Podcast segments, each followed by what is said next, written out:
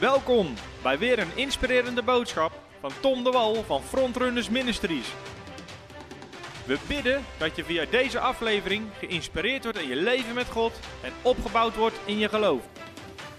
Vanavond gaan we het hebben over manifestaties, eh, zoals schudden, vallen, trillen.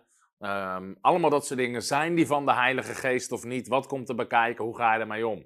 En soms doe ik series bij Voice of Fate, maar de laatste tijd doe ik losse thema's. We hebben hele interessante thema's gehad de afgelopen tijd. Wat zegt het Nieuwe Testament over tiende? Eh, wat zegt de Bijbel over oordelen? Wanneer wel, wanneer niet? Uh, wat zegt de Bijbel over dwaalleraren en valse profeten? Uh, beloningen in de hemel. Allemaal dat soort dingen hebben we behandeld de laatste tijd. Dus kan je ook allemaal terugkijken op ons YouTube-kanaal. Dus als je nog niet geabonneerd bent, abonneer je er even op. Zodat we je gewoon kunnen zegenen met al dat onderwijs. Maar vanavond wil ik het hebben over manifestaties van de Heilige Geest. En ook manifestaties die niet van de Heilige Geest zijn. Nou, wat, wat bedoelen we met als het gaat om manifestaties, of als je die term hoort?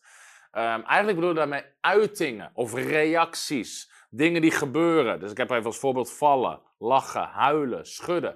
Soms gebeurt dat in diensten of wat dan ook. Dat mensen op de grond vallen of dat mensen beginnen te lachen. Mensen beginnen te huilen, mensen beginnen te schudden. Allerlei uitingen kunnen daar zijn. En de vraag is, is dit van God of is dit niet van God? En hoe gaan we daarmee om? Nou, daar wil ik het vanavond over hebben. En ik geloof dat het ook een zegen gaat zijn voor je leven om je hier even in te verdiepen.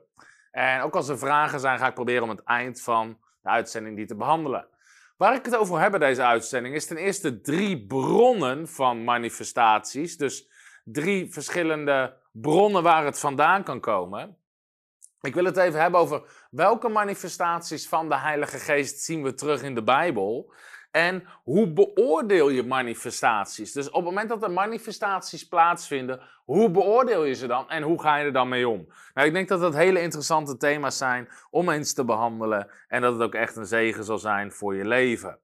Nou, zoals ik al zei, er zijn drie bronnen van manifestaties. Dus op het moment dat er manifestaties zijn, en dan heb ik dus over lichamelijke reacties of uitingen, kan het eigenlijk drie bronnen hebben. Het kan uit drie verschillende bronnen kan de, eigenlijk de oorzaak zijn van hetgeen wat daar gebeurt. En een van die bronnen is demonische manifestaties. Demonische manifestaties. Manifestaties van of door demonische geesten. Nou, de Bijbel leert ons over demonen dat demonen zijn geesten, zijn geestelijke wezens zonder fysiek lichaam, zoals wij, dat, zoals wij een fysiek lichaam hebben.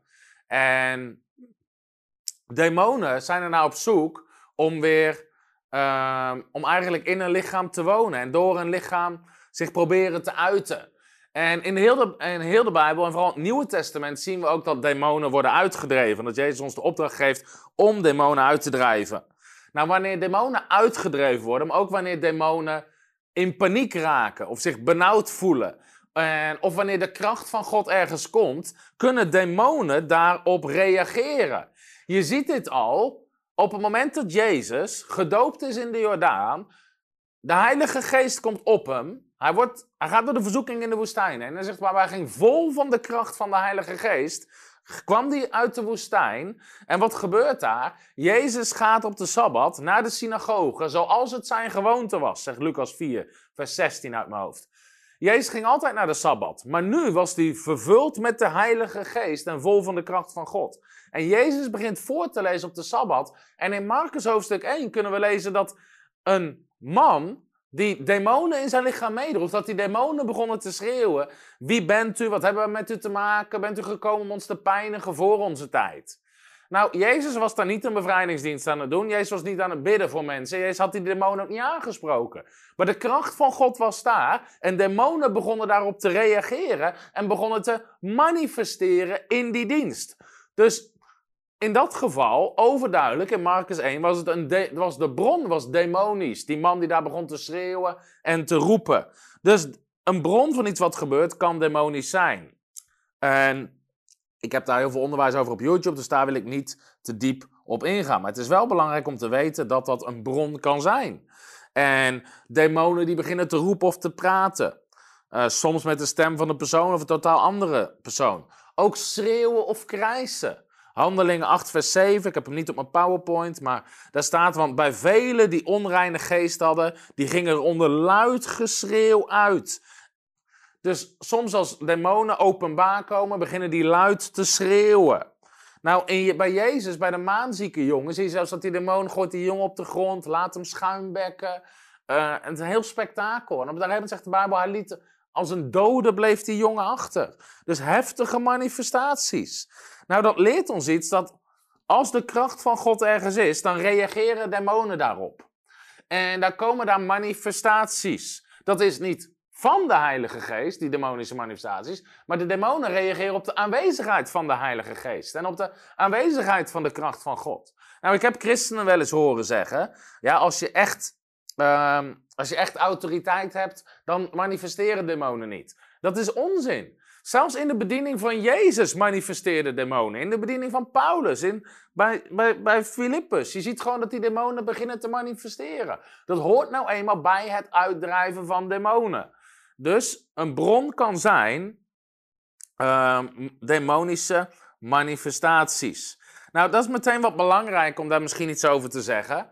Want soms zeg je wel zeggen mensen wel eens, ja, weet je, in die dienst, en dit zijn extreme voorbeelden van wat me betreft, maar het is goed om dat ook aan te halen, begonnen mensen te blaffen als een hond, of te loeien als een koe, of te, of te gillen, of te krijsen als een varken.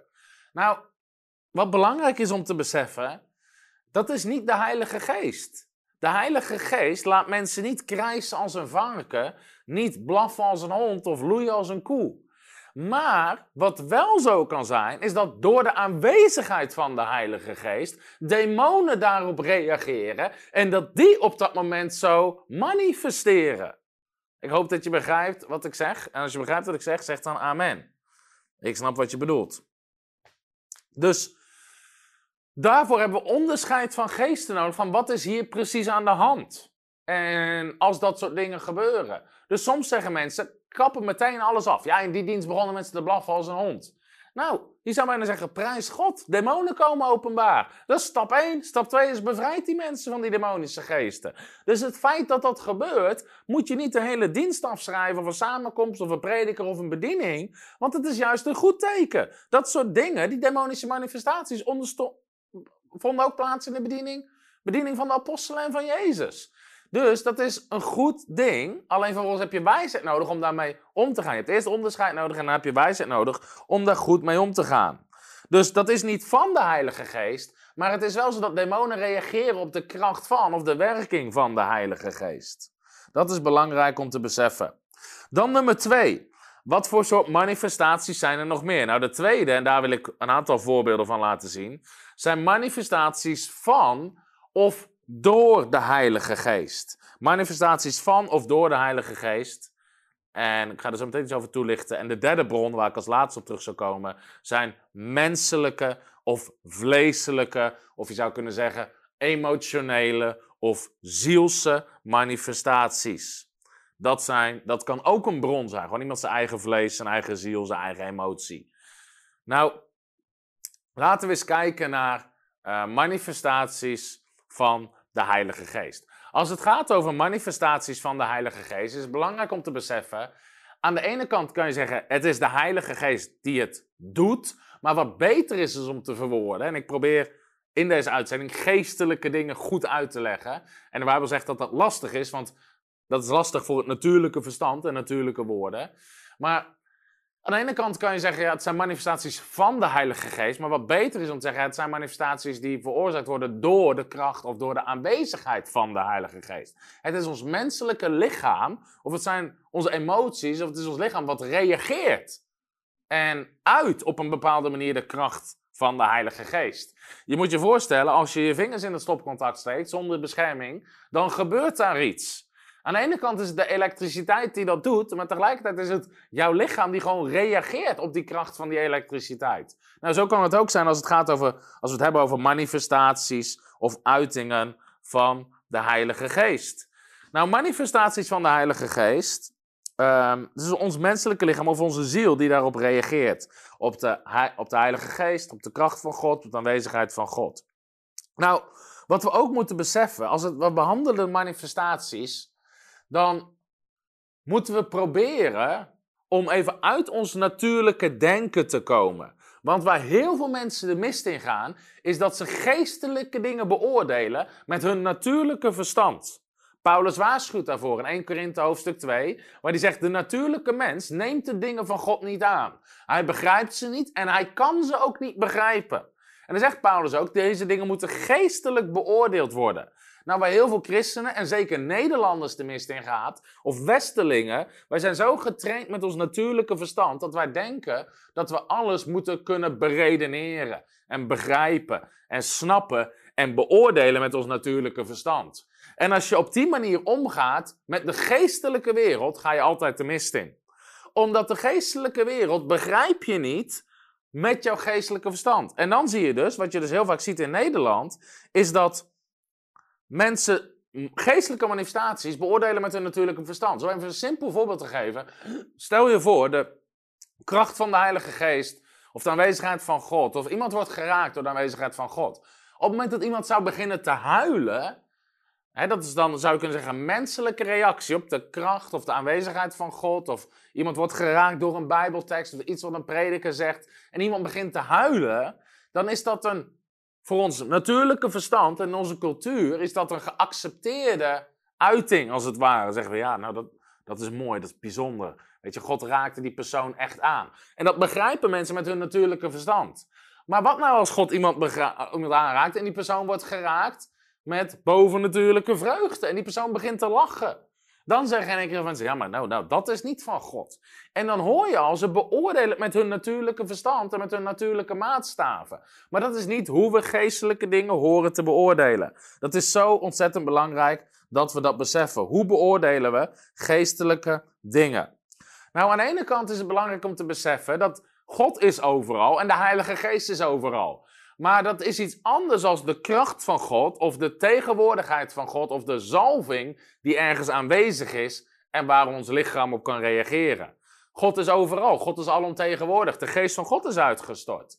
Maar het is niet zo dat Gods kracht overal manifest is, als het ware. Het kan op de ene plek sterker aanwezig zijn of sterker werken dan op de andere plek. Het kan in de ene kerk sterker werken dan in de andere kerk. Je ziet dat zelfs in handelingen, dat in handelingen 5 en in Handelingen 19 staat dat God bovennatuurlijke of um, extraordinary miracles, zegt de Engelse vertaling. Buitengewone wonderen, zegt de Nederlandse vertaling. Niet gewone wonderen, die al boven natuurlijk zijn, maar buitengewone wonderen. Waar zelfs de kracht van God zo sterk aanwezig is in Handelingen 5 en Handelingen 19. Dat door de schaduw van Petrus zieken genezen. En door de zweetdoeken van Paulus demonen eruit gaan en zieken genezen.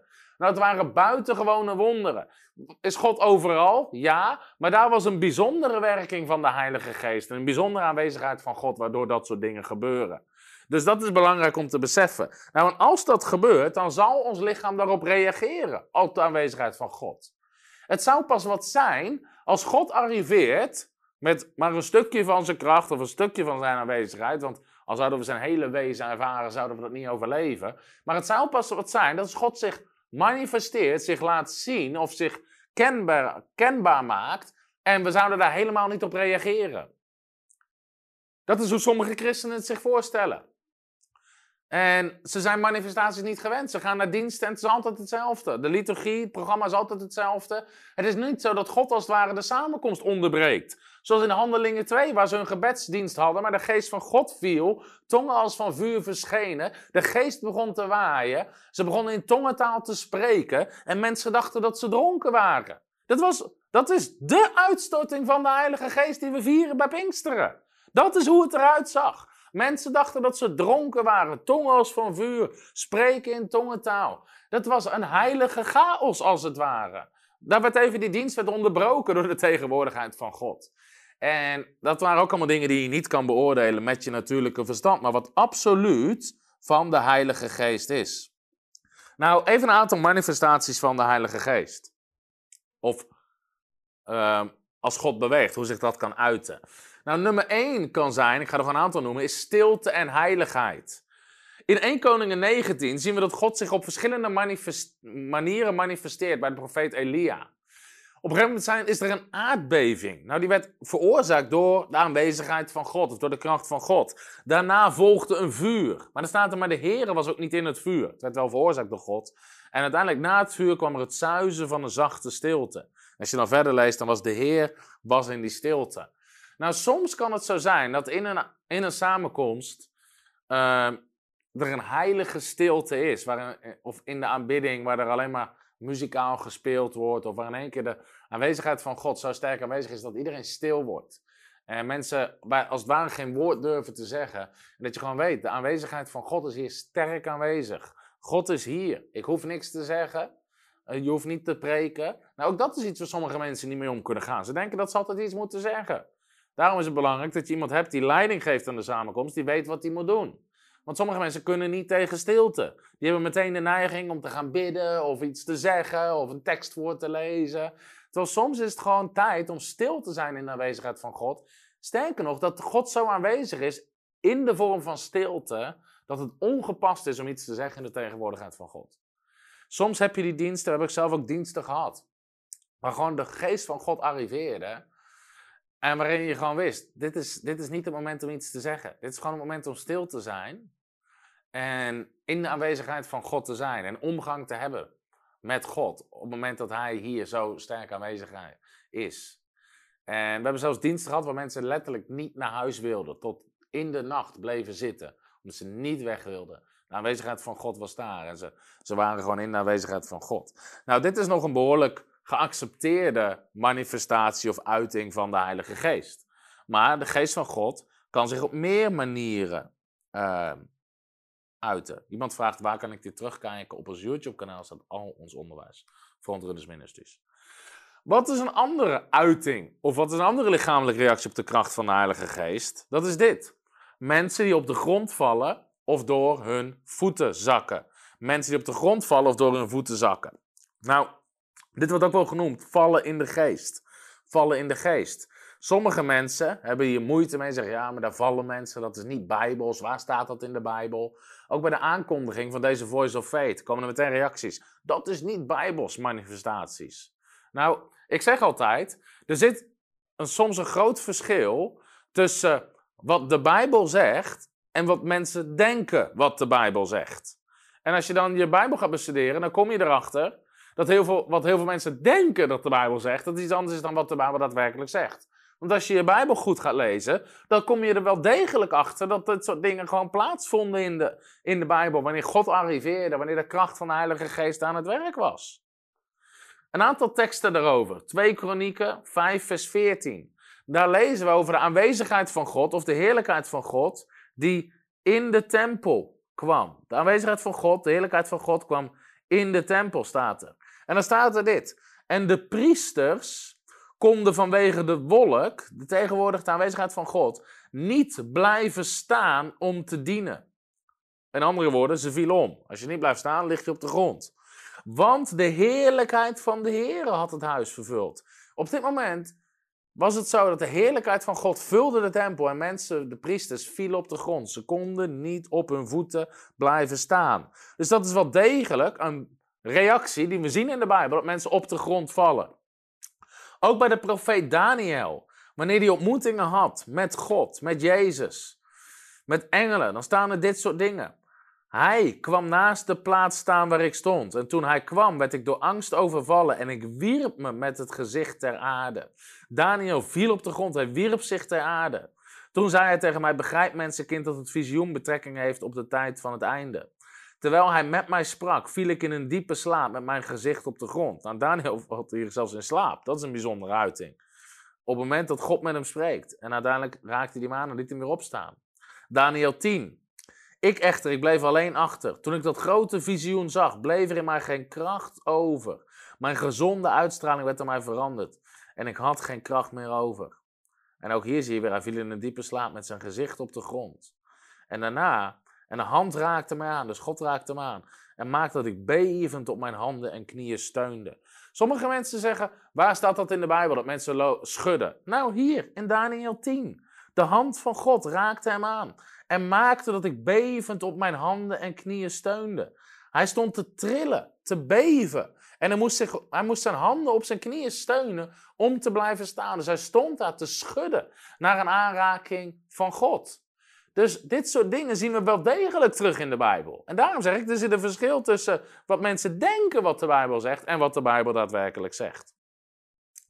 In Handelingen hoofdstuk 9 lezen we het bekende verhaal waar Saulus een ontmoeting heeft met Jezus op weg naar Damascus. En waarin Jezus aan hem verschijnt. En in één keer schijnt daar dat felle licht. En plotseling omscheen hem een licht vanuit de hemel. En toen hij op de grond gevallen was, hoorde hij een stem die tegen hem zei: Saul, Saul, waarom vervolgt u mij? Saul had hier een ontmoeting met Jezus, met de kracht van God. En hij viel op de grond. En hij werd daarnaast ook blind door het felle licht, maar hij viel op de grond. Dat was de manier waarop zijn lichaam daarop reageerde.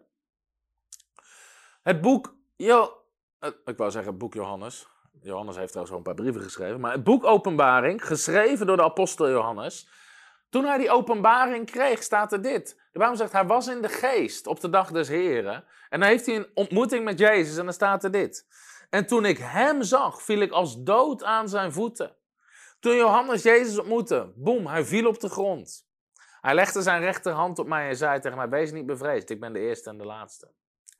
In het boek, in het evangelie van Johannes, Johannes 18 vers 6, daar zegt Jezus, op het moment dat de soldaten hem komen arresteren, dan vragen ze wie is het? En dan zegt hij, ik ben het. En zij deinsden terug en vielen op de grond. Deinsden terug en vielen op de grond. Dus hier zie je allerlei teksten in de Bijbel waar mensen ontmoeting hebben met God, ontmoeting hebben met Jezus, waar de kracht van God komt en mensen vallen op de grond. Ze kunnen niet blijven staan. Een grapje hierover zou zijn, van sommigen zeggen, waar staat dat in de Bijbel? Psalm 23, de Heer is mijn herder, mij ontbreekt niks en hij doet mij nederliggen. Nou, sommige mensen doet God nederliggen. Ze vallen op de grond als ze een ontmoeting hebben met de kracht van God. En sommige mensen zeggen, maar waarom vallen mensen? Sommige dingen moet je niet zo moeilijk maken, omdat ze niet kunnen blijven staan, blijkbaar. Blijkbaar hebben ze een ontmoeting met de kracht van God. De Heilige Geest raakt ze aan en vallen ze daardoor op de grond. En daarom zeg ik, dit soort dingen kunnen we niet met ons natuurlijk verstand beoordelen. We moeten gewoon zien, oké, het staat in de Bijbel, daar komt het voor. En daar zien we dat soort dingen. Dus um, dat is zo belangrijk om dat te herkennen. Nou, er zijn meer verhalen van mensen die op de grond vallen. Of, zoals de Bijbel dat noemt, mensen die zelfs in geestvervoering raken. Dus ze zijn niet meer als het ware, je zou kunnen zeggen, bij kennis, bij hun natuurlijke verstand, maar ze worden overgenomen door de geestelijke wereld en soms door de Heilige Geest. Nou, in 1 Samuel lezen we dat. Waar uh, ook Sauls mannen, de soldaten, werden door de geest van God overmand en zij raakten in vervoering. Ze waren niet meer bij kennis, maar zij raakten in vervoering, zegt de Bijbel. Ook Saul zelf begaf zich naar Rama en onderweg werd ook hij overmand door de geest van God. Nou, de geest van God kan mensen overmannen. De hele weg naar het profeethuis was hij in vervoering. Nou, en dit wordt zelfs heel extreem. En en uiteindelijk, hier was Saul zelfs een tegenstander, want hij, probeerde David te vangen. En daar aangekomen trok hij zijn kleren uit en viel naakt en tierend voor Samuel op de grond. Dat ging een hele dag en nacht door. En sindsdien zegt men, hoort Saul nu ook bij de profeten.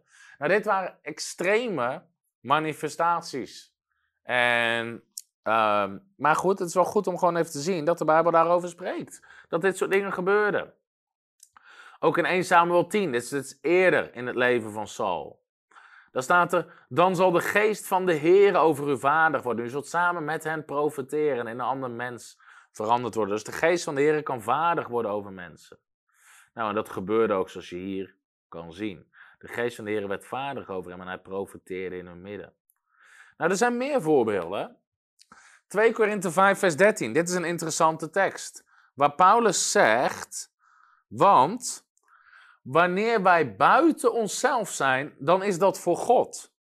Wanneer wij buiten onszelf zijn, dus je zou kunnen zeggen wanneer we niet voor reden vatbaar zijn, of wanneer we niet in menselijke toestand zijn, dan is dat voor God. En wanneer we bij ons verstand zijn, gewoon bij kennis zijn, is dat voor u. Wanneer wij buiten onszelf zijn, Openbaring 1 vers 10. Ik was in de geest op de dag des Heeren en hoorde achter mij een luide stem als van een bezang. Hij was in de geest, zegt de Bijbel. Hij was in geestvervoering. De apostel Johannes toen hij het boek Openbaring, de inhoud daarvan ontving. Nog meer teksten. Openbaring 4, vers 2. Ook daar staat opnieuw. En meteen raakte ik in geestvervoering. En zie je, stond in de hemel. En er, en er stond de troon in de hemel en op de troon zat iemand. Handelingen 14. Hier staat handelingen 4, maar dit, is, dit klopt niet. Het is handelingen 10. Want het gaat over het visioen dat Petrus krijgt bij Cornelius. Handelingen 10, vers 10. Daar staat over Petrus. Hij kreeg honger en wilde iets nuttigen. En terwijl zij het eten bereidden, raakte hij in geestvervoering. Hij raakte in geestvervoering. En hij zag de hemel geopend. Hij begon te zien in de geestelijke wereld. Hier was Petrus even als het ware niet bij kennis. Hij raakte in geestvervoering en kreeg een visioen in de hemel. Nou, Paulus zegt zelfs, en eigenlijk iedere theoloog gelooft dat Paulus dit zegt over zichzelf. Te roemen is werkelijk niet gepast voor mij, want ik zal komen op verschijningen en openbaringen van de Heer. Dus Paulus had meerdere verschijningen, lezen we ook in Handelingen. Verschijningen en openbaringen van de Heer. Uh, ik zie trouwens dat er hele goede vragen worden gesteld in de reacties, die ga ik zo meteen beantwoorden. Ik ken een mens in Christus, 14 jaar is het geleden. Of het in het lichaam gebeurde, weet ik niet. Of het buiten het lichaam gebeurde, weet ik niet. God weet het. Nou, bijna iedere theoloog is het erover eens dat Paulus het over zichzelf heeft. Dus Paulus had hier een ervaring met God en hij weet niet eens of hij nog in zijn lichaam was of niet. Dat zo iemand tot in de derde hemel werd opgenomen. En ik weet van deze mens, nogmaals, of het in het lichaam of buiten het lichaam gebeurde, weet ik niet. God weet dat hij werd opgenomen in het paradijs. Onuitsprekelijke woorden heeft gehoord die een mens niet geoorloofd is om uit te spreken. Paulus beschrijft hier een bijzondere ervaring met God. Maar hij zegt, ik weet niet eens of het in het lichaam of buiten het lichaam was. Nou, hier zie je dus eigenlijk mensen die in geestvervoering raken. De geest van God komt over ze heen. Je zou maar kunnen zeggen, ze raakten in een bepaalde trance en ze zagen een visioen. Dat soort manifestaties zien we dus gewoon gebeuren in het Oude en in het Nieuwe Testament. Nummer vier. Nou, dit zijn nog extremere uitingen die we. Uh, dit gaat nog verder dan vallen. Maar wat denk je van verplaatsingen in of door de geest? Van Filippus lezen we zelfs dat de geest van de Heer hem wegnam en dat hij op een andere plek weer verscheen. Ook van Elia, of Elisa is dit, lezen we, en dan zegt hij tegen Gehazi, die achter um, naar Aman aanging om, om spullen te vragen die hij niet mocht vragen, ging mijn hart niet met u mee toen die man zich vanaf zijn wagen omkeerde en je hem tegemoet ging. Dat spreekt over zijn geest. De geest van Elisa was bij Gehazi, terwijl Elisa daar zelf niet was. En ook in 1 Koningen 18 lezen over plaatsing in de geest. Mocht het gebeuren dat ik van u weg zou gaan en de geest van de Heer zou u opnemen. Dus ze waren daar bekend mee.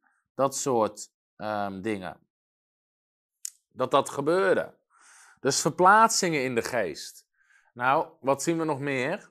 Dronken in de geest. Ook dat kan gebeuren. Een van de beelden van de Heilige Geest is het beeld van nieuwe wijn, is het beeld van wijn.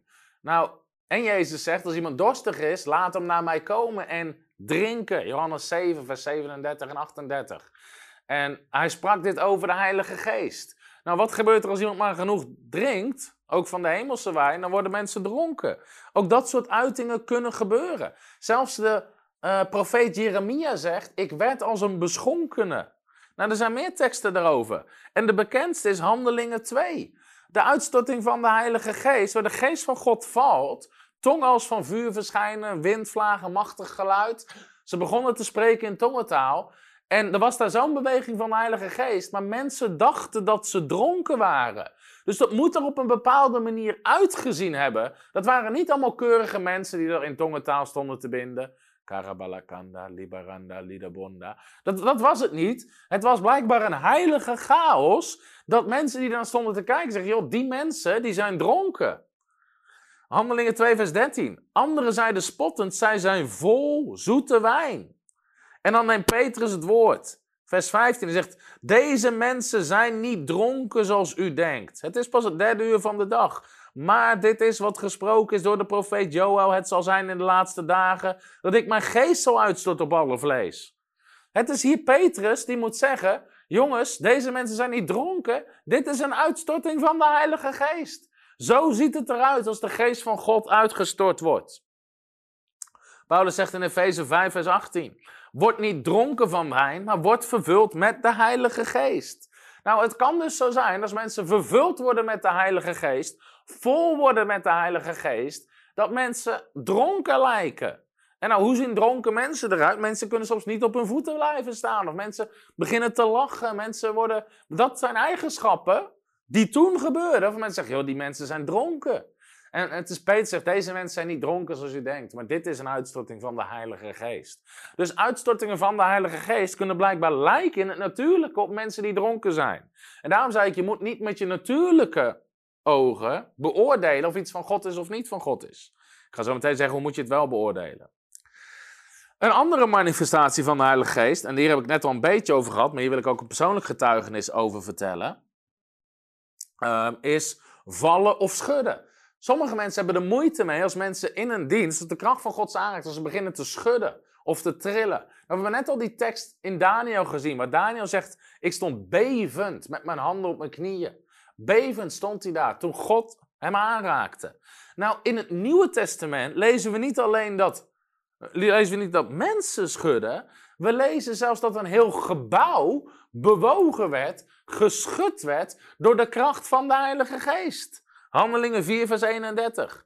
En toen zij gebeden hadden, werd de plaats waar zij bijeen waren bewogen. En zij werden allemaal vervuld met de Heilige Geest. Nou, dit is Nieuwe Testament, een uitstorting van de Heilige Geest, waar zelfs een natuurlijke gebouw waar ze in zitten begint te schudden, maar het was een manifestatie van de kracht van de Heilige Geest. Weet je, ik snap niet hoe mensen er moeite mee kunnen hebben als mensen schudden onder de kracht van God, als in het Nieuwe Testament hele gebouwen schudden onder de kracht van God. Blijkbaar als de kracht van God ergens komt, wordt daarop gereageerd. Of door mensen of zelfs door in natuurlijke gebouwen kunnen daarop reageren. En daarom is het goed soms om om wat breder te denken. En ook in mijn eigen leven, daar heb ik een mooi getuigenis over. Toen ik, ik denk dat ik, ik was net een tijd tot de Heer gekomen. Ik woon ook nog thuis bij mijn ouders. En op een gegeven moment was ik op mijn slaapkamer, was ik gewoon aan het bidden. Ik was aan het aanbidden, ik had muziek aan staan, ik was aan het bidden en aanbidden. En in één keer voelde ik een windvlaag als het ware door mijn kamer gaan. Ik werd op de grond gegooid letterlijk. En ik begon te schudden. En ik lag te schudden op de grond, onder de kracht van God, in mijn slaapkamer. Maar het was zo overweldigend. Het was uit het niks kwam de kracht van God. Wierp op de grond en ik lag te schudden onder de kracht van God. En mijn hele lichaam werd overmand door de Heilige Geest. En, ik, en op dat moment, ik was niet bekend met dat soort heftige manifestaties. Ik had als mensen zien vallen in een dienst, maar dit had ik nog nooit meegemaakt. En ik weet gewoon ook dat in mijn hoofd kon ik het niet begrijpen. En ook ik dacht van, weet je, is dit wel bijbels? Weet je, wat gebeurt hier? Dus dit is letterlijk wat er gebeurde. Het is een bizar verhaal. Maar ik vroeg, ik vroeg, Heer, waar staat dit in de Bijbel? Dat was mijn religieuze kader. Waar staat dat in de Bijbel? En ik hoorde de stem van God. Die zei, Psalm 96, vers 9. Ik hoorde het, alsof het een hoorbare stem van God was. Psalm 96, vers 9. En ik pakte mijn Bijbel, ik had een MBV Jongere Bijbel. En ik sloeg hem open en ik las dit in Psalm 96, vers 9. Buig u neer voor de Heere in zijn heerlijke heiligdom en beef voor zijn aangezicht. Beef voor zijn aangezicht. En met dat ik het las, werd ik gewoon overmand door de heiligheid van God en de, en de Heilige Geest. Het eerste wat ik zei, ik bood mijn excuses aan. Ik zei, Heer, sorry dat ik zo religieus ben. Dat ik probeer God in mijn boxje te stoppen. Weet je, God kent zijn woord beter dan ons. Sommigen zeggen, ja, maar beef voor zijn aangezicht. Dat betekent het toch niet? Nou, blijkbaar betekent dat het wel. Daarom zeg ik, weet je, het, soms zit er een verschil tussen wat wij denken wat de Bijbel zegt en wat de Bijbel daadwerkelijk zegt. En hebben een bepaalde manier waarop het ingevuld moet worden, terwijl God het op een hele andere manier kan invullen. En het maakte me zo bewust van de aanwezigheid van God, maar ook dat ik me moest bekeren van mijn eigen bekrompenheid omdat ik dacht, weet je in mijn natuurlijke kaders, hoe kan dit? En God, God sprak gewoon met een hoorbare stem. En gaf me exact het vers. Ik kan me niet eens herinneren dat ik die psalm ervoor ooit had gelezen. Exact het vers waar dat stond in de Bijbel. Dus dat soort dingen kunnen gebeuren. Nou, wat kan nog meer gebeuren? Lachen. Soms als mensen geraakt worden door de kracht van de Heilige Geest, beginnen ze te lachen. En Sommigen zeggen, waar staat dat in de Bijbel? Nou, dat staat op heel veel plekken in de Bijbel. Ten eerste zegt de Bijbel in Psalm 16, vers 11... Overvloed van blijdschap is bij uw aangezicht, is in uw tegenwoordigheid. De Engelstaan zegt, there's fullness of joy in your presence. Er is een overvloed, een overlopende blijdschap in de aanwezigheid in het aangezicht van God. Dus dat betekent, als de, als de aanwezigheid van God komt, komt daar een overvloed aan blijdschap. Nou, hoe ziet een overvloed aan blijdschap eruit? Dan beginnen mensen te lachen. Ze zijn niet zomaar blij, er is een overvloed aan blijdschap. En dan beginnen mensen te lachen. Paulus zegt in Romeinen 14, vers 17: Het koninkrijk van God bestaat niet uit eten en drinken, maar uit gerechtigheid, vrede en blijdschap in de Heilige Geest. Blijdschap in de Heilige Geest. Er is een blijdschap in de Heilige Geest aanwezig. En als mensen blij zijn, kunnen ze beginnen te lachen. Psalm 126, vers 1. Toen de Heere de gevangenen van Sion deed terugkeren, waren wij als mensen die droomden. Toen werd onze mond vervuld met lachen en onze tong met gejuich. Hier staat letterlijk in de Bijbel dat God je mond kan vervullen met lachen en je tong met gejuich. Dat kunnen uitingen zijn, dat mensen beginnen te lachen en te juichen. Ook Job 8, vers 21. Eens zal hij je mond weer met lachen vervullen en je lippen met gejuich. Zoveel teksten. Psalm 35 zegt wie door de Here zijn vrijgekocht. Dat zijn wij. Daar staat er eeuwige blijdschap zal op hun hoofd zijn. Vreugde en blijdschap zullen zij verkrijgen. Nou, in Psalm 2, vers 4 staat zelfs: Hij die in de hemel woont, zal lachen. Er staat dat God zit op zijn troon en hij lacht. Nou, ik hoorde hier ooit een getuigenis van, van, van een kennis van mij, die ook prediker is en allerlei diensten sprak. En op een gegeven moment gebeurde het in een dienst dat de geest van God werd uitgestort en mensen begonnen daar te lachen. En te lachen en te lachen. En ook hij had daar moeite mee met zijn, met zijn kader, met zijn bijbelkennis en zijn religieuze kader. Dus hij zei, Heer, wat is dit? En God begon tot hem te spreken. En God zei, ik ben een God die spreekt door mijn volk. En hij zei, ja Heer, dat ken ik, dat is profetie. En toen zei hij, ik ben ook een God die bidt in mijn taal door mijn volk. En toen zei hij, ja Heer, dat ken ik, dat is tongentaal. En toen zei God, ik ben ook een God die lacht door mijn volk. En dat sprak God tot hem. En God gaf hem Psalm 2. Hij die op de troon zit, zal lachen. Dat is niet ons beeld wat wij vaak hebben bij God, maar het is wel een beeld wat de Bijbel schetst. God zit op zijn troon en hij lacht. In de aanwezigheid van God is volheid van vreugde. Dus als de aanwezigheid van God komt en mensen reageren erop, of God arriveert in ons leven, dan kan het de reactie zijn dat mensen gewoon overlopen van blijdschap en gewoon beginnen te lachen.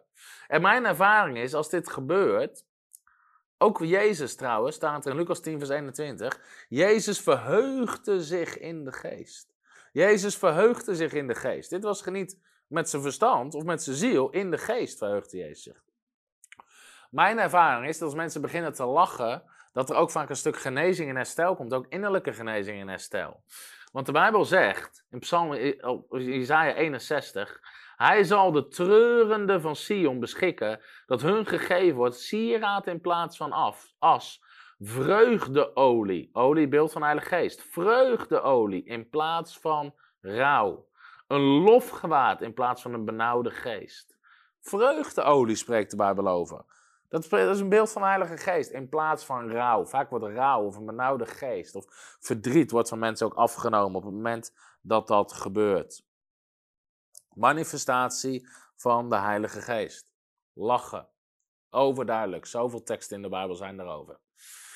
Een andere manifestatie kan zijn onuitsprekelijke verzuchtingen, zoals de Bijbel het noemt. Of andere manifestaties, dat de gaven beginnen te manifesteren.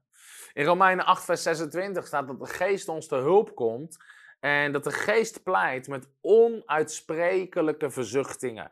Soms als de geest door iemand heen begint te bidden of te spreken, kan je, weet je, lijkt het niet eens meer op tongentaal. Het zijn verzuchtingen in de geest iemand uit, vaak in voorbeden wat iemand uit. Ook Paulus zegt in Galaten, ik ben opnieuw in barensweeën over u. Dat Christus opnieuw gestalte krijgt. Nou, We weten niet precies wat Paulus ermee bedoelde, maar blijkbaar ook in zijn voorbeden. Alsof ik in, aan het bevallen ben, in, eh, opdat Christus weer gestalte krijgt in u. Nou, ook Handelingen 10, vers 44. Daar viel de Heilige Geest, zegt de Bijbel. De Heilige Geest viel op alle die het woord hoorden. Dat was midden in Petrus' preek, als je het hoofdstuk leest. Petrus is gewoon aan het preken. Terwijl Petrus deze woorden nog sprak. Sommigen zeggen, ja, maar weet je, er is wel orde in de dienst, dus het kan nooit tijdens de preek. Terwijl Petrus deze woorden nog sprak, viel de Heilige Geest op alle die het woord hoorden. En wat gebeurde er? Zij waren buiten zichzelf, dat de gave van de Heilige Geest op de heidenen werd uitgestort. Want zij hoorden en spreken in vreemde talen en God groot maken. Je moet je gewoon eens voorstellen hoe dit eruit heeft gezien. Petrus was aan het prediken. We weten wat hij predikte. Hij predikte Jezus Christus, gezalfd met de Heilige Geest. Ging ronddoende, goeddoende, genezen alle die van de duivel. En terwijl Petrus het preekt, zegt hij maar, maar hij was nog aan het spreken. Woem, wordt de Heilige Geest uitgestort op de heidenen. En die mensen die wachten niet Petrus zijn preek af. Die beginnen te spreken in vreemde talen en God groot te maken. Dus de geest van God valt op hun. En die mensen beginnen. Cobra mandra di. En ze beginnen halleluja, halleluja. God is. Die beginnen God groot te maken. Die beginnen God eer te geven. In tongentaal te bidden. En dat gebeurde tijdens de dienst. En de mensen die met Petrus mee waren, waren buiten zichzelf. En zeggen. Wat is dit? Dat de Heilige Geest, zoals die op ons gekomen is, ook op hun komt. En toen wisten ze, God werkt ook in de heiden. Nou, dit was een dienst in het boek Handelingen. Geen liturgie, geen van eerst dit, eerst dat. Nee, de Geest van God viel tijdens de preek. En daar kwamen allerlei reacties op. En mensen begonnen God te loven en te prijzen en in tongentaal te bidden. En Handelingen 19 begonnen mensen te profeteren toen de Geest viel. Dus ook dat soort uitingen kunnen gebeuren wanneer de Geest van God valt. Nou, zelfs dit soort uitingen. Waarom haal ik dit soort dingen aan? Omdat ik probeer je even. Ik zeg niet dat iedereen erin zit, maar sommige mensen zitten in hun box van. Dit is wel van God, dat is niet van God. En ze denken, ze denken in een heel klein boxje. En ik probeer je hier even uit te halen, dat te laten zien wat voor uitingen er zelfs allemaal in de Bijbel gebeuren. Nou, in de Bijbel zie je zelfs dat door de aanwezigheid van God lichamen transformeren of beginnen te schijnen. Handelingen 6, vers 15, bij Stefanus. Alle die in de raad zaten, hielden hun oog op hem gericht en zagen zijn gezicht als het gezicht van een engel. Zagen zijn gezicht als het gezicht van een engel. Net zoals Mozes, Exodus 34, waar het gezicht van Mozes begon te schijnen, waar hij een doek over zijn gezicht moest doen. Dus even om te gaan van, hé, hey, dit soort dingen kunnen, God, kunnen gewoon gebeuren in de aanwezigheid van God. Nou, en daarnaast heb ik even als plus, als nummer 11, allerlei andere uitingen. Als de geest van God beweegt, je weet gewoon niet altijd hoe het eruit ziet of wat er gebeurt. Jeremia zei letterlijk: Het werd in mijn hart als brandend vuur, opgesloten in mijn beenderen. Ik deed moeite om het in te houden, maar ik kon het niet. Toen de kracht en aanwezigheid van God kwam bij Jeremia, en of God gaf hem een woord en hij begon te branden letterlijk in zijn beenderen. Hij voelde het vuur branden.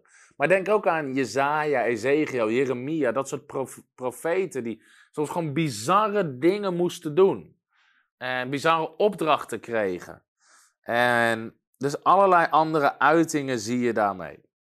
Nou, waarom haal ik dit soort dingen aan? Om even aan te tonen, om sommige mensen even uit hun box te trekken.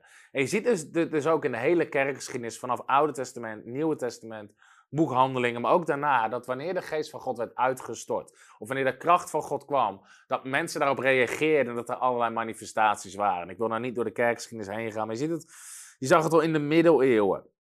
Maar ook bij, ik ga bijvoorbeeld John en Charles Wesley van de Methodistenbeweging. Nou, nu staan Methodistenkerken niet echt bekend om de manifestaties van de Heilige Geest. Maar onder de bediening van John en Charles Wesley, die dat begonnen zijn, waren allerlei uitingen van de Heilige Geest. In hun samenkomsten, wanneer de Geest van God viel, begonnen mensen te huilen, te roepen, te vallen onder de kracht van God. Het was soms zelfs zo, het was in 1700, dat mensen in de boom klommen om de preek goed te kunnen horen als het op het open veld was. En dan moesten ze zeggen tegen mensen: Kom uit de boom, want als de kracht van God valt, willen we niet dat je uit de boom valt.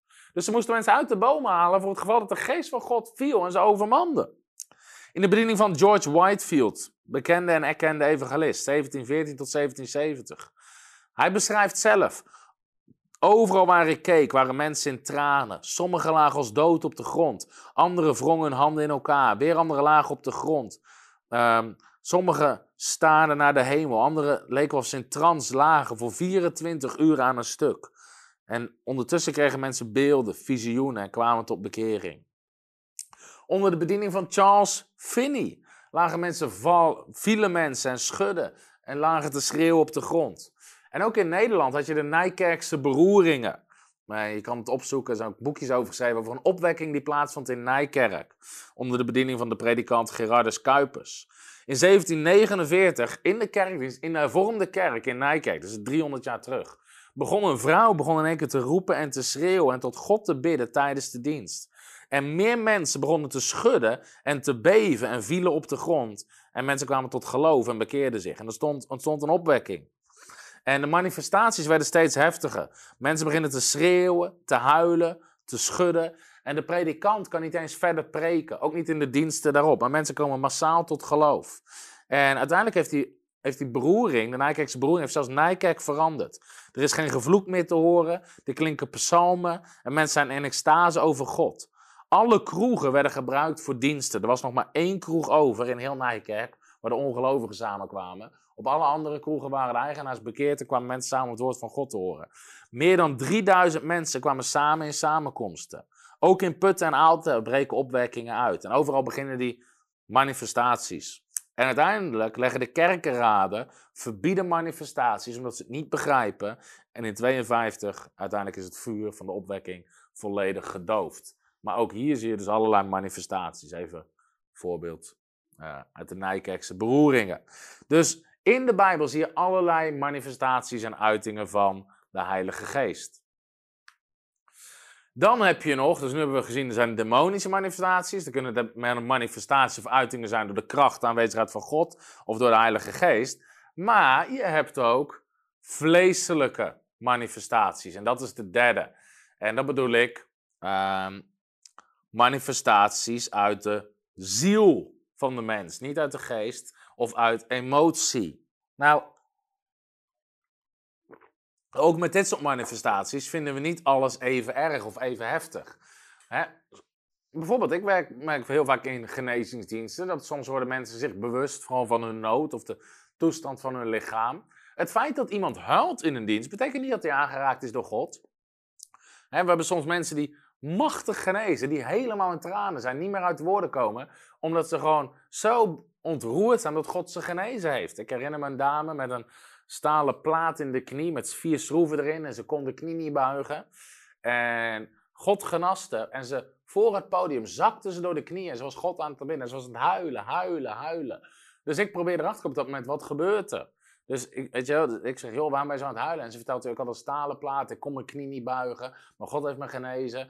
Nou, ze werd, eigenlijk is het emotie, wat dus helemaal niet verkeerd hoeft te zijn. Ze werd gewoon enorm ontroerd door wat God voor haar had gedaan. Soms huilen mensen vanwege nood, dat ze zo overmand worden door een nood. Dus dat soort dingen kunnen gebeuren.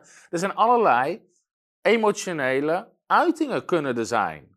En soms is de vraag, is die emotie goed op dat moment? En, want soms moet je mensen helpen, zeker als ze nog voor gebed komen of voor bediening komen. En je ziet dat mensen enorm emotioneel zijn uh, en onder de indruk van hun nood of van hun situatie. Het is niet door nood wat God beweegt.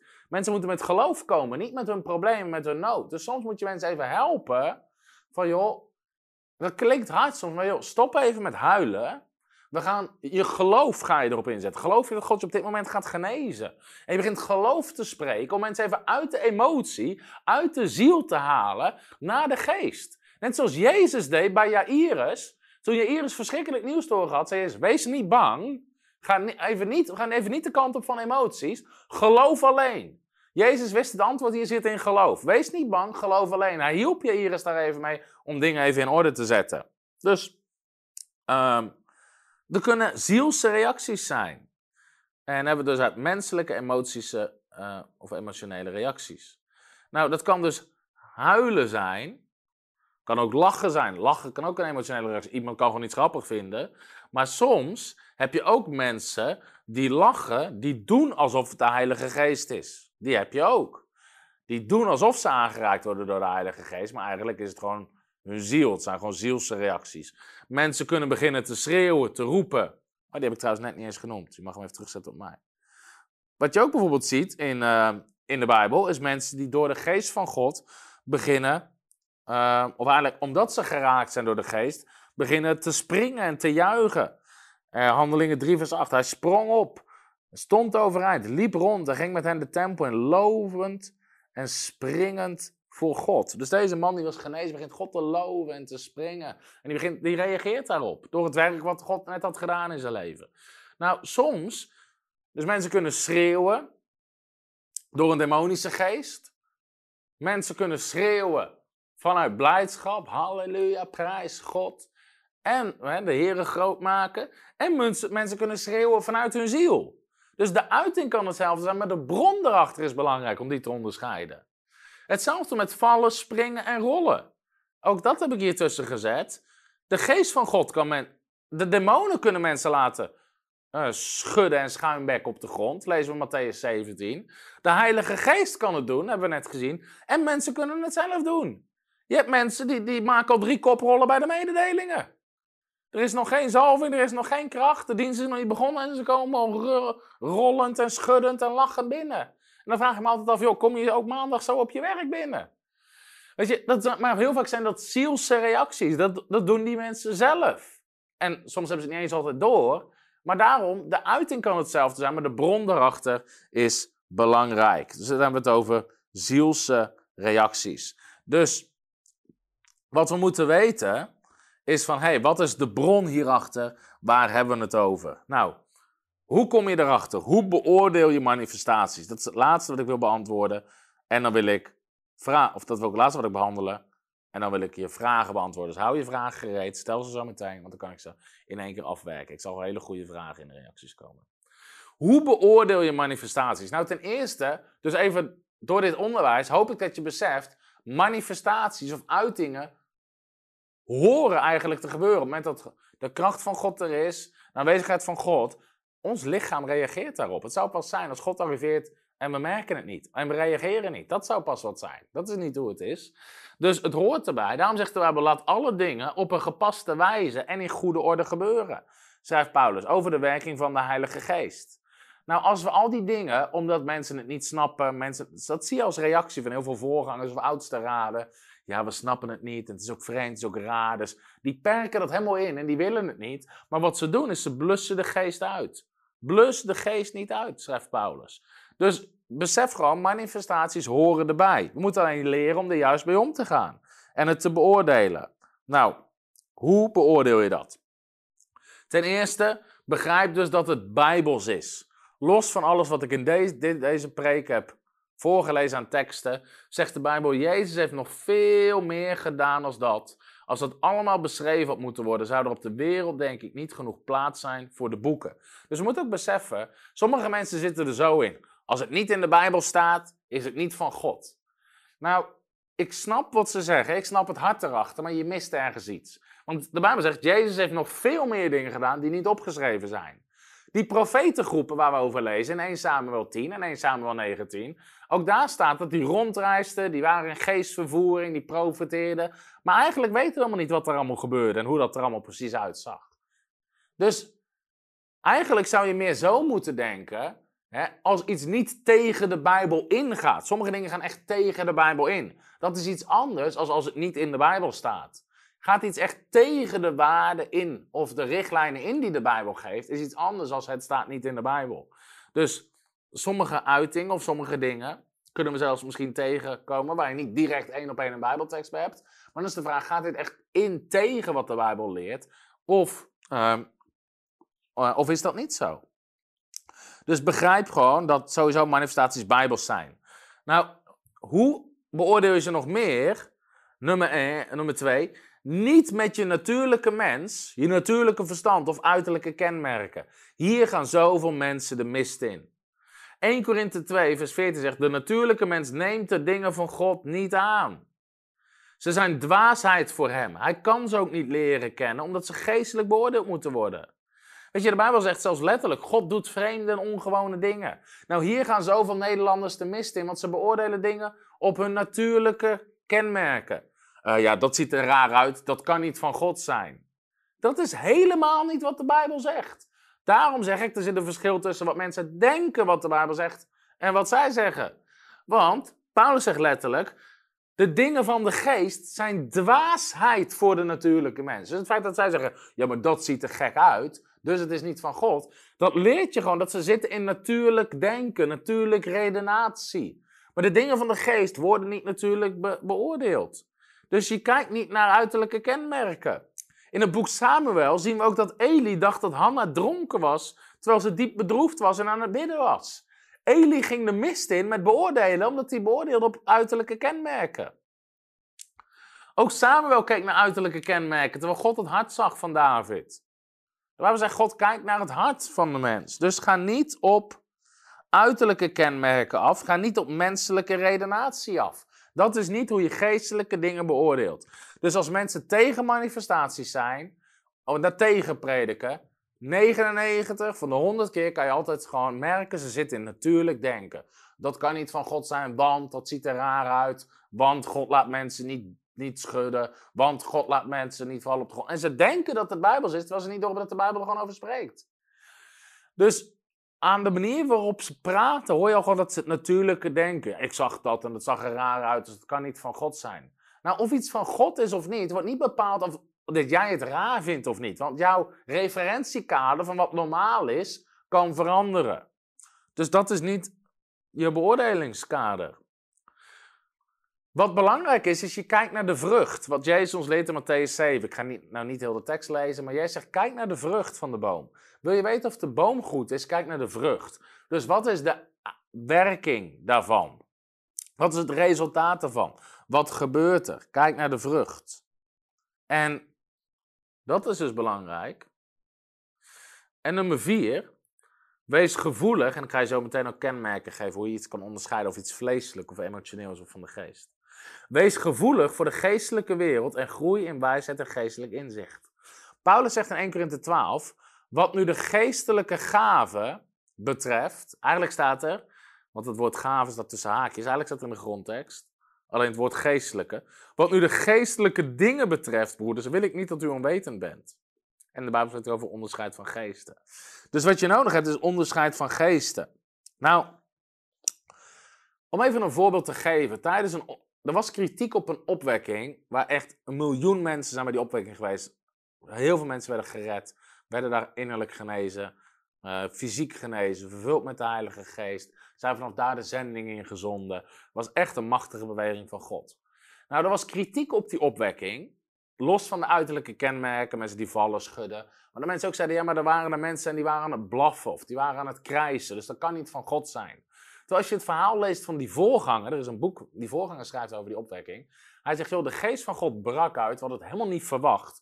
Maar de geest van God brak uit in gewoon in een gebedsdienst. En vanaf daar in één keer allemaal mensen werden naartoe getrokken. Van de tot moment hadden we iedere dag dienst. Hij zegt, ik was gewoon gewend om zondagochtend een gebedsdienst te doen. Of een zondagmorgendienst. En op woensdag een gebedsdienst. En in één keer hadden we iedere dag dienst. Er kwamen in een paar jaar meer dan een miljoen mensen naar onze kerk toe. En de geest van God werd gewoon machtig uitgestort. Werkelijk waar. Duizenden, duizenden mensen werden iedere dienst geraakt. En hij zegt, ook voor ons was dat nieuw. Dus hoe ga je daarmee om? Er is geen handboek over hoe ga je om als er opwekking uitbreekt. Dus hij zegt, alles was nieuw, we moesten gewoon leren. En hij zegt inderdaad, mensen werden machtig aangeraakt door de Heilige Geest en vielen en begonnen te schudden. Sommige mensen zaten inderdaad in hun ziel en in hun emotie. Dat had je ook. En hij zegt, en demonen begonnen te reageren omdat de geest van God uit werd gestort. Maar nu moet je even voorstellen, je geeft leiding aan een dienst waar, weet ik veel, 3000 mensen zijn. De kracht van God komt. Mensen vallen onder de kracht van God. Mensen beginnen te krijsen door demonen. En sommige mensen stellen zich gewoon aan. En dat gebeurt allemaal in één dienst. Nou, hoe ga je daarmee om? Dat kan je leren. En dat duurt misschien eventjes. Hij zegt, ach, hadden we achteraf misschien dingen anders gedaan? Ja, maar op dat moment wil je niet het hele werk van God doven. Dat zeggen, stop, stop, stop, stop, hier stoppen we mee. Want hè, van de 3000 mensen zijn er 20 die het misbruiken. Nee, hij zegt, we hebben gewoon onze teams getraind om die mensen aan te spreken, eruit te filteren, et cetera. Maar we hebben wel gekozen om gewoon die beweging van God door te laten gaan. Nou, heel veel mensen zijn heel snel met hun oordeel Maar ten eerste heb jij nooit meegemaakt dat er echt een opwekking was in jouw kerk of jouw gemeente, waar een miljoen mensen kwamen, waar jij even leiding aan moest geven. Dus het is heel makkelijk om daarover te oordelen, maar het is anders om er op dat moment leiding aan te geven. En ik denk dat dat belangrijk is om te beseffen.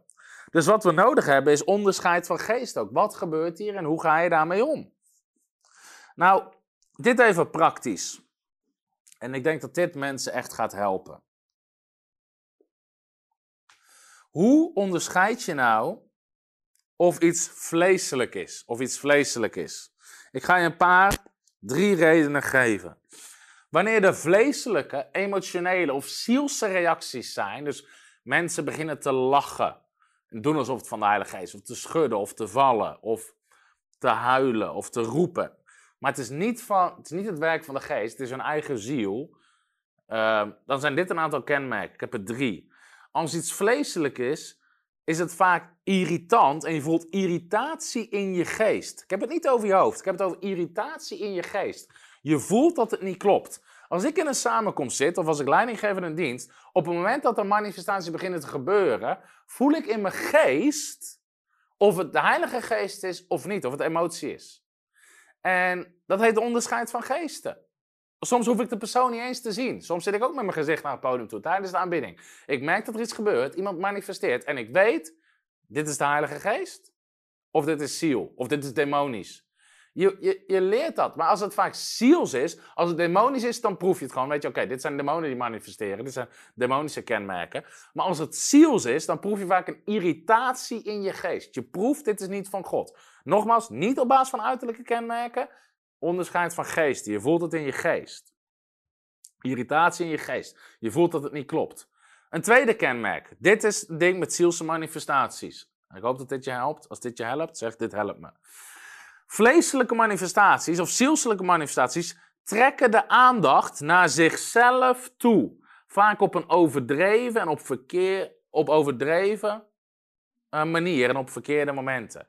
Mensen die manifesteren vanuit hun ziel trekken heel erg de aandacht naar zichzelf toe. Ze doen dat vaak ook uh, vanwege een gebrek aan aandachtstekort. Ze willen graag dat mensen het zien, opmerken, zodat mensen denken, kunnen zien hoe geestelijk ze zijn, hoe hard ze aangeraakt worden door God. En dat is vaak een kenmerk met zielse manifestaties. Vaak zijn het ook verwonde mensen die daar last van hebben. Sorry dat ik het zo zeg, maar dat is wel mijn ervaring. Het zijn mensen die ergens in hun ziel verwond zijn, die dat proberen te compenseren door aandacht te krijgen, aandacht naar zich toe te trekken, of willen bewijzen dat ze geestelijk zijn en daardoor zielse manifestaties hebben. Dus vaak zie je dat het en heel overdreven is, ook dat ze zich gewoon bewust zijn van wat er gebeurt en aandacht naar zichzelf toetrekken. Ze willen dat mensen het zien. Dus het zijn inderdaad mensen die maandag niet op hun werk koprollen binnenkomen. Van, oh, wow, Shandai, Rambadandai. Nee, op hun werk zijn ze gewoon normaal. Maar sommige van die mensen die komen al koprollend de samenkomst binnen. Er is nog niks gebeurd. Nou, dan heb je vaak te maken met zielse manifestaties. Nou, hoe je daarmee om moet gaan, is ook gewoon dat je, je kan mensen daarop aanspreken. Nou, dit is vaak een kenmerk van zielse, en dit is de derde. Als je mensen daarop aanspreekt, is het vaak een overdreven emotionele reactie. Ze gaan extreem in de verdediging om te verdedigen dat het geestelijk is. Ja, nee, dit is de Heilige Geest en je mag. Als er een overdreven emotionele reactie komt, wanneer mensen gecorrigeerd worden, weet je dat je te maken had met een zielse manifestatie en dat het goed was om, uh, uh, om, om er iets van te zeggen. Als dit je helpt, zeg eens, hier heb ik wat aan. Dit zijn concrete tips. Daarom denk ik, dit is goed uh, om gewoon mee te komen. Dus wij hebben onze ministry teams en onze ushers. Onze ministry teams zijn getraind, die zijn gedrild. Samenkomsten of bevrijdingsdiensten zijn, genezingsdiensten, heilige geestdiensten, wat voor diensten ook zijn. Onze ministry teams zijn getraind en die onderscheiden. Is dit een demon die manifesteert? Moet iemand vrijgebeden worden? Is dit de heilige geest die iemand aanraakt? Laten we het zijn gang gaan. En is het een ziels iets wat manifesteert, hoef ik maar één blik te geven, of ik hoef niet eens te kijken, en die persoon wordt al aangesproken. En op die manier proberen we, en nogmaals in een dienst met duizend mensen, als de geest van God beweegt en er gebeurt van alles, kan je niet alles altijd helemaal goed sturen. Daar heb je nou helemaal mee te maken. Maar we zijn alert, we zijn scherp en we proberen alles, zoals de Bijbel zegt, in goede orde te laten verlopen.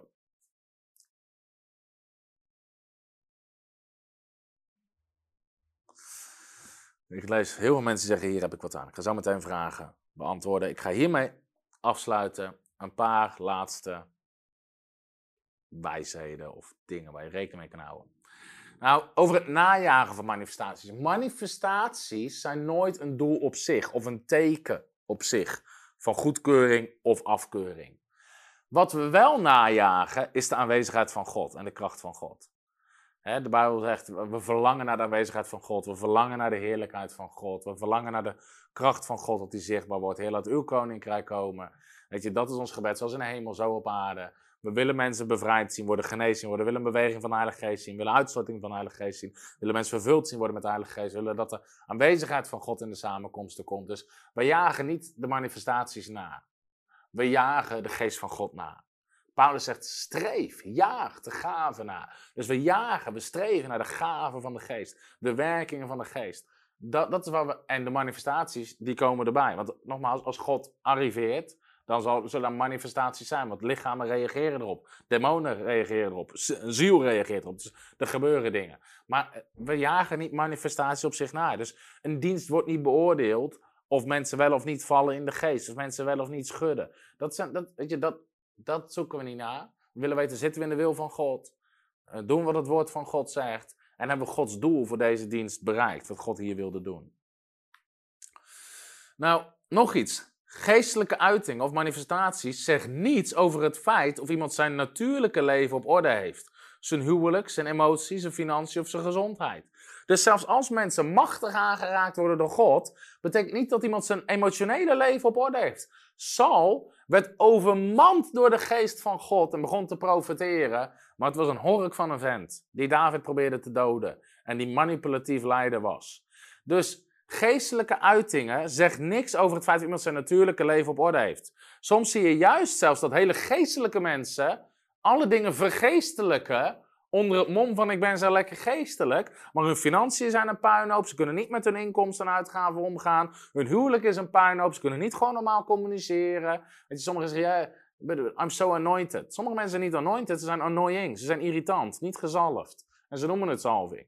Maar zelfs als mensen echt de kracht van God op hun leven hebben, betekent dus niet dat ze, of dat ze aangeraakt worden, betekent niet dat hun natuurlijke leven op orde is. Hun emoties, hun huwelijk, hun financiën, je gezondheid.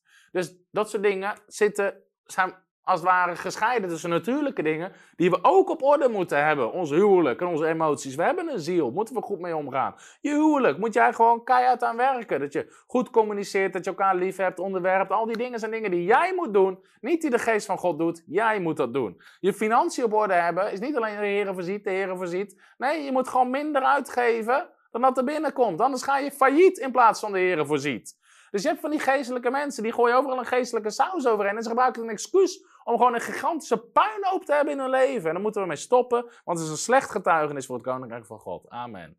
Dat was mijn frustratie er even uit. Dus geestelijke uitingen en kenmerken zeggen niks over het feit of iemand zijn natuurlijke leven op orde heeft. Aan de andere kant, hele natuurlijke kenmerken, een gezond huwelijk, gezonde emoties, gezonde financiën, gezonde levensstijl, zegt weer niks over iemand zijn geestelijke leven. Dus die twee moet je niet uh, mixen. Dus dit is vaak wat je ziet. Overgeestelijke mensen veronachtzamen soms hun natuurlijke verantwoordelijkheden, wat niet goed is. En natuurlijke mensen veronachtzamen soms hun geestelijke leven. En die twee die horen gewoon perfect in elkaar samen te vallen. Amen. Dat was mijn onderwijs over manifestaties en drie bronnen van manifestaties en hoe we ermee om moeten gaan. Maar ik geloof dat dit een zegen is voor je. En je kan nu je vragen stellen in de reacties en dan ga ik de vragen beantwoorden.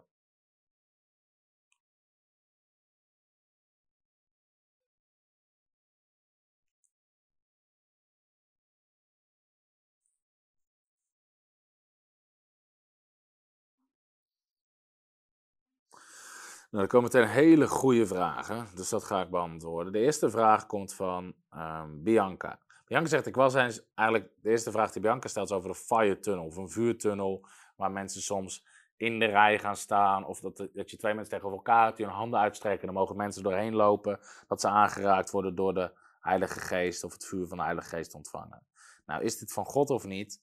Nou, kijk, je kan dat, um, ja, kijk, dat moet je niet afschrijven omdat mensen op die manier bedienen. Want de Bijbel spreekt over handoplegging, waardoor de Heilige Geest overgedragen wordt. Waardoor mensen vervuld worden met de Heilige Geest. Ehm, dus al die dingen, dus handoplegging kan. Waarom ik zelf geen voorstander ben van ehm, wat soms fire tunnels genoemd worden, of waarom ik er zelf, laat ik zo zeggen, niet doorheen ga, is omdat ik zeg, simpelweg niet weet wie die mensen zijn die handen op mij leggen. Dus wij doen soms met genezingsdiensten, wat ik mijn ministerteams neerzet, waar mensen doorheen kunnen lopen en we leggen handen op mensen. Ehm, maar goed, dan hebben we het over maar onze ministerteams, die ken ik, maar er staat niemand in die ik niet ken. Dus we, iedereen willen we, we willen weten wie je bent. En mensen worden getraind en hoe dan ook. Dus dat is voor mij persoonlijk een voorkeur, maar het hoeft dus niet per se fout te zijn. Verder stelt iemand een vraag, dezelfde persoon, over een vrouwelijke spreekster, van ik weet, denk ik wie je bedoelt, die lachend en kronkelend op het podium lag en het publiek zat ernaar te kijken en het duurde best wel lang. Uh, maar ze heeft wel een heel mooi hart voor Jezus en gaf ook veel aan de armen. Ik vind deze dingen moeilijk te onderscheiden. Ik wil niet de werken van de Heilige Geest tegenspreken. Maar bouwt het op, vraag ik mij af. Nou, soms, zelfs als iets niet Hè, iemand heeft echt een hart voor Jezus. Nou, dan weet je, heb ik uitgelegd in mijn onderwijs over dwaalleren, hebben we het niet te maken met een valse profeet. Hebben we niet mee te maken. Het feit dat iemand gewoon op de grond ligt, op het podium, onder de kracht van God. Um, ik, ik weet over wie je het hebt. En die persoon zegt, hey, dit is mijn boodschap naar de kerk. Dat mensen moeten leven in de kracht van God. Niet in hun natuurlijke verstand. Mensen moeten leven in de tegenwoordigheid van God. Toevallig, ik weet over wie je het hebt. En ik weet van mensen die jou persoonlijk kennen. Die persoon is niet alleen zo op het podium. Die is zo thuis, die is zo. Uh, uh, gewoon als ze aan het werk is. Ik ken mensen waarbij ze in huis hebben gebleven. Dat ze gewoon. Ze is in aanwezigheid van God, onder de kracht van God. En weet je, zo is ze gewoon. Dat, ik ken verhalen van mensen die met haar gingen eten. Zeg, voordat we gaan eten, gaan we eerst bidden. En drie uur, ze begint drie uur lang te bidden en te aanbidden in de aanwezigheid van God. Ondertussen, je kip wordt koud, je biefstuk wordt koud. Maar die vrouw die leeft gewoon zo in de aanwezigheid van God. En dat is haar boodschap naar de kerk. En misschien zeg je nou, ik kan daar minder mee, dan is het ook gewoon goed om het los te laten. En dan hoeven we er geen oordeel over te hebben. Ik hoop dat ik zo doen die je vraag beantwoord.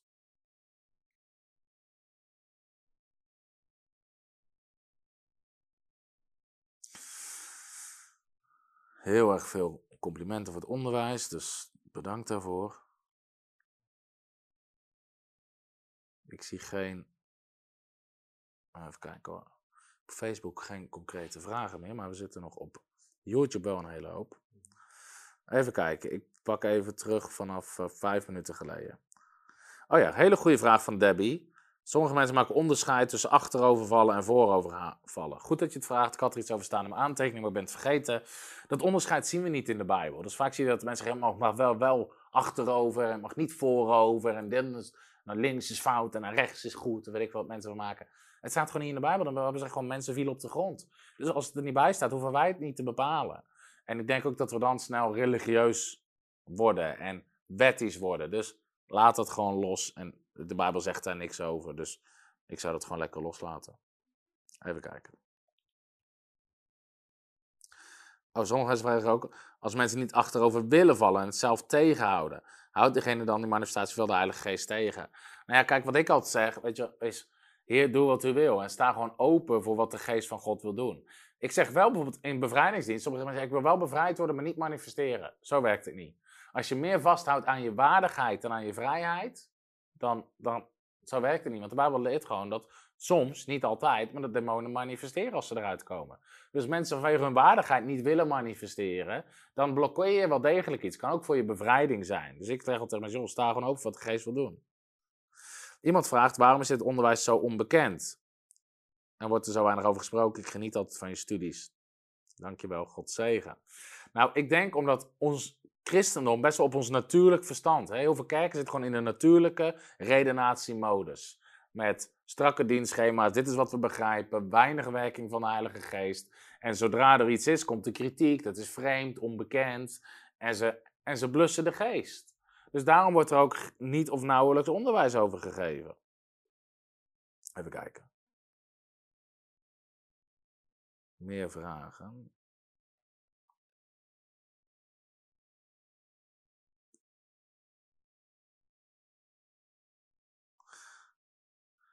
Anja vraagt, kan een demon zorgen voor teleurstellende en negatieve gedachten? Absoluut. Demonen kunnen zich binden aan je denken. Ik heb trouwens heel veel onderwijs over demonie online staan. Dus ik wil daar nu niet te diep op ingaan, maar dat kan absoluut.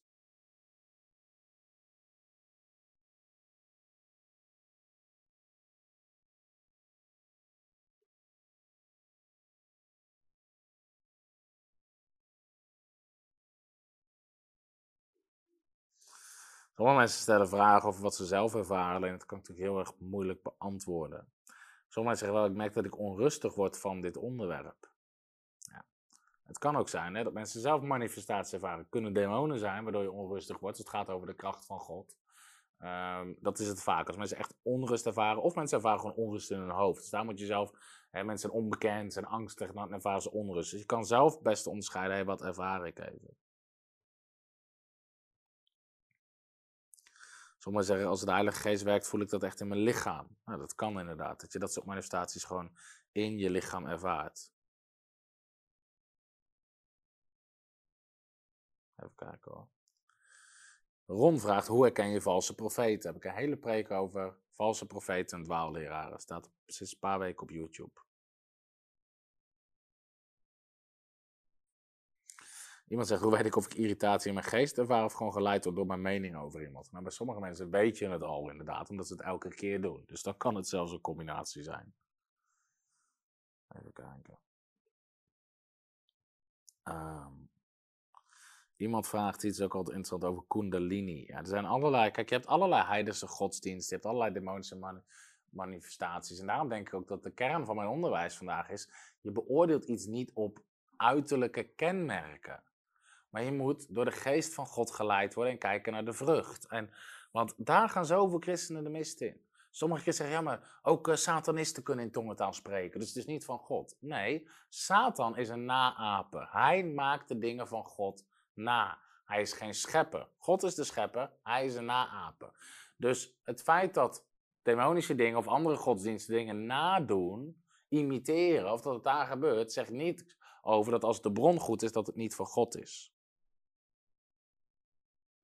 Kan je jezelf bevrijden van demonen? Absoluut. Derek Prins schrijft er ook over in zijn boek.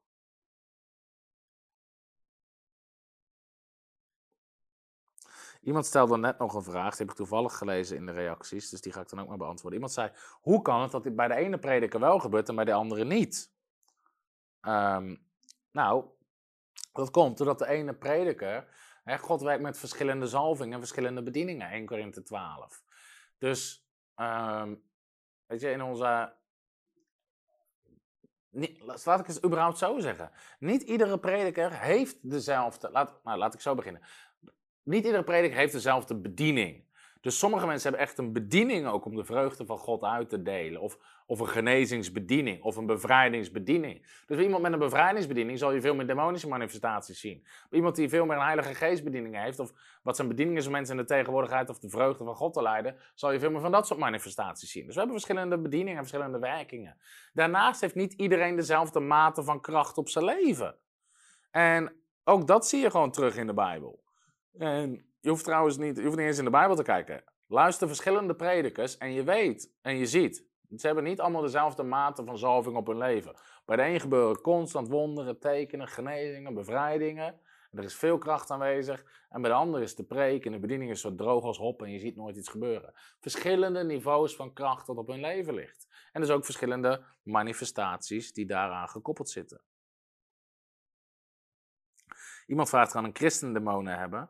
Want de geest van God woont in je. Ja, omdat de geest van God woont in je wedergeboren geest, maar je hebt ook een ziel en een denken en een lichaam. En net zoals de christen ook kan zondigen, ondanks dat de geest in je woont. En een christen ziek kan zijn, ondanks dat de geest in je woont. Maar dat is allemaal onderwijs wat ik heb over demonie en bevrijding.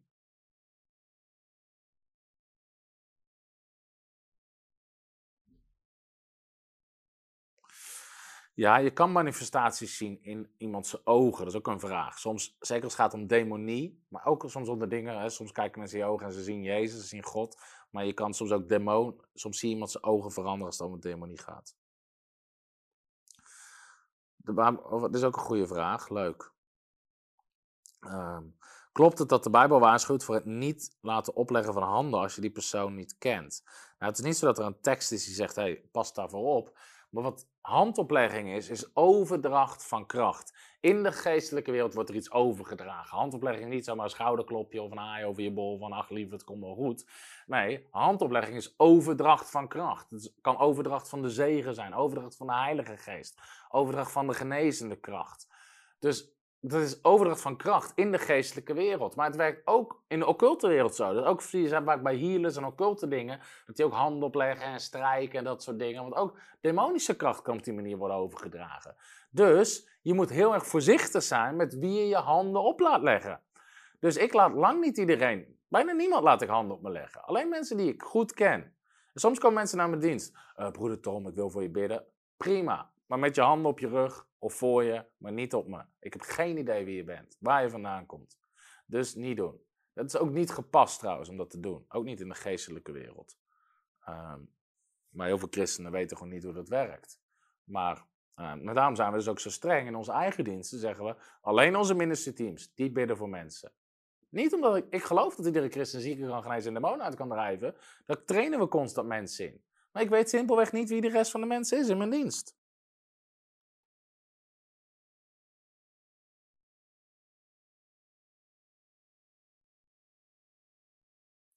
Iemand vraagt, hoe ga je dan om met mensen die echt vleeselijk manifesteren keer op keer? Of elke keer weer bevrijd worden? Maar uiteindelijk moet je soms het gesprek ook opengooien. Zeggen van, joh, valt me nou op, je hebt nou tien keer bevrijding gehad. Hè? Als het elke keer voor iets anders is, soms gaat bevrijding in laag of worden mensen... Maar als het elke keer op hetzelfde is, dan kan je ook gewoon zeggen, joh, de Bijbel leert dat demonen alleen terugkomen als er een open deur is. Dus waar, weet je wel, als je die ruimte hebt in iemands leven.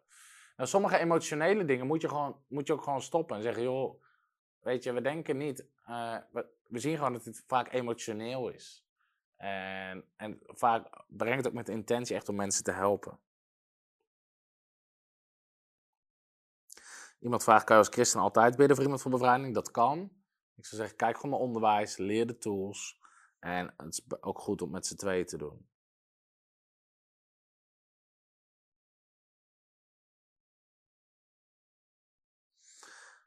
Soms inderdaad, als de geest van God beweegt, dat iemand vraagt, wordt iemand genezen, ook innerlijk of lichamelijk.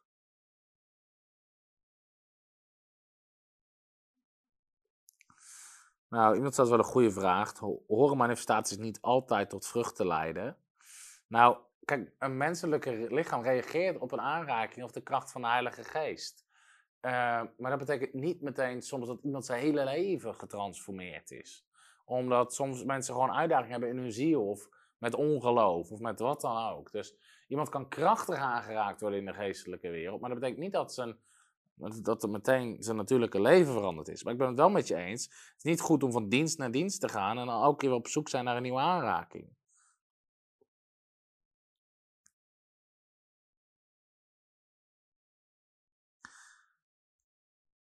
Iemand zegt als iemand bidt in Jezus' naam, zit je dan altijd goed. Nou, als het gaat om handoplegging niet, dan iemand kan de naam van Jezus gebruiken. Um, dus ik zou het doen gewoon mensen die je kent of in kerken kan je erop vertrouwen dat ze gebedsteams getraind zijn.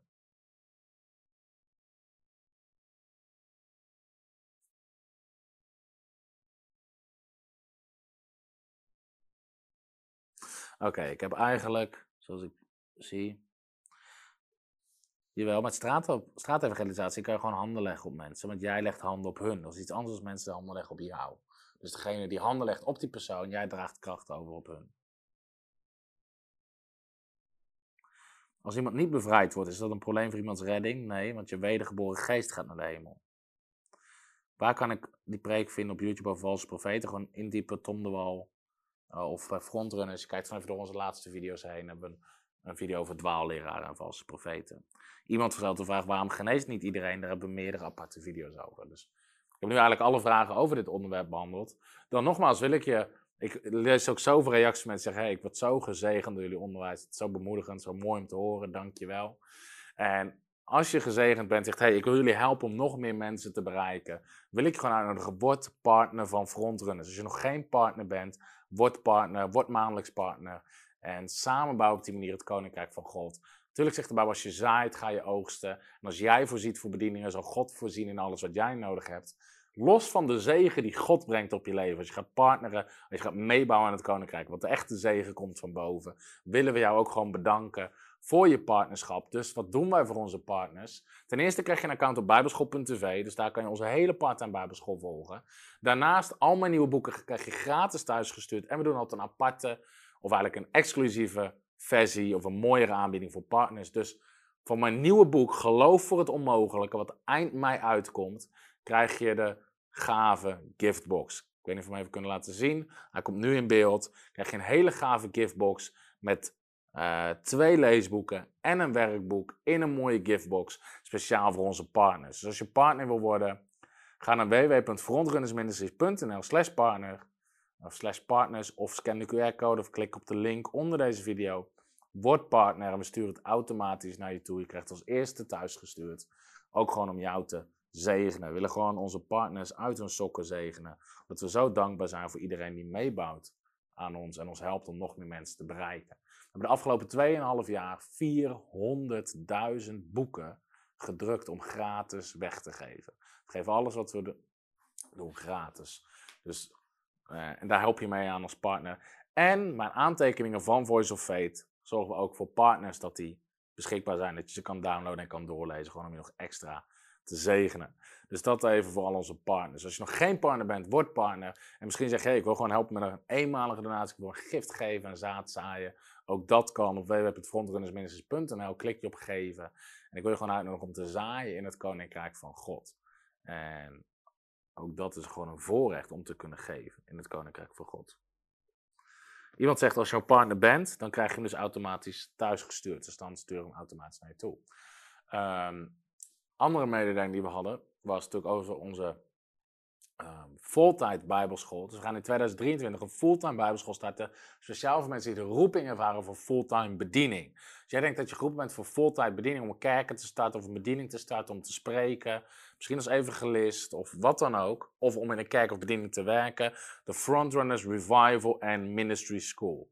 De slogan van de school is vind, volg en vervul de roeping van God op je leven. En dat doen we door je te trainen, je uit te zenden, maar daarna ook te begeleiden.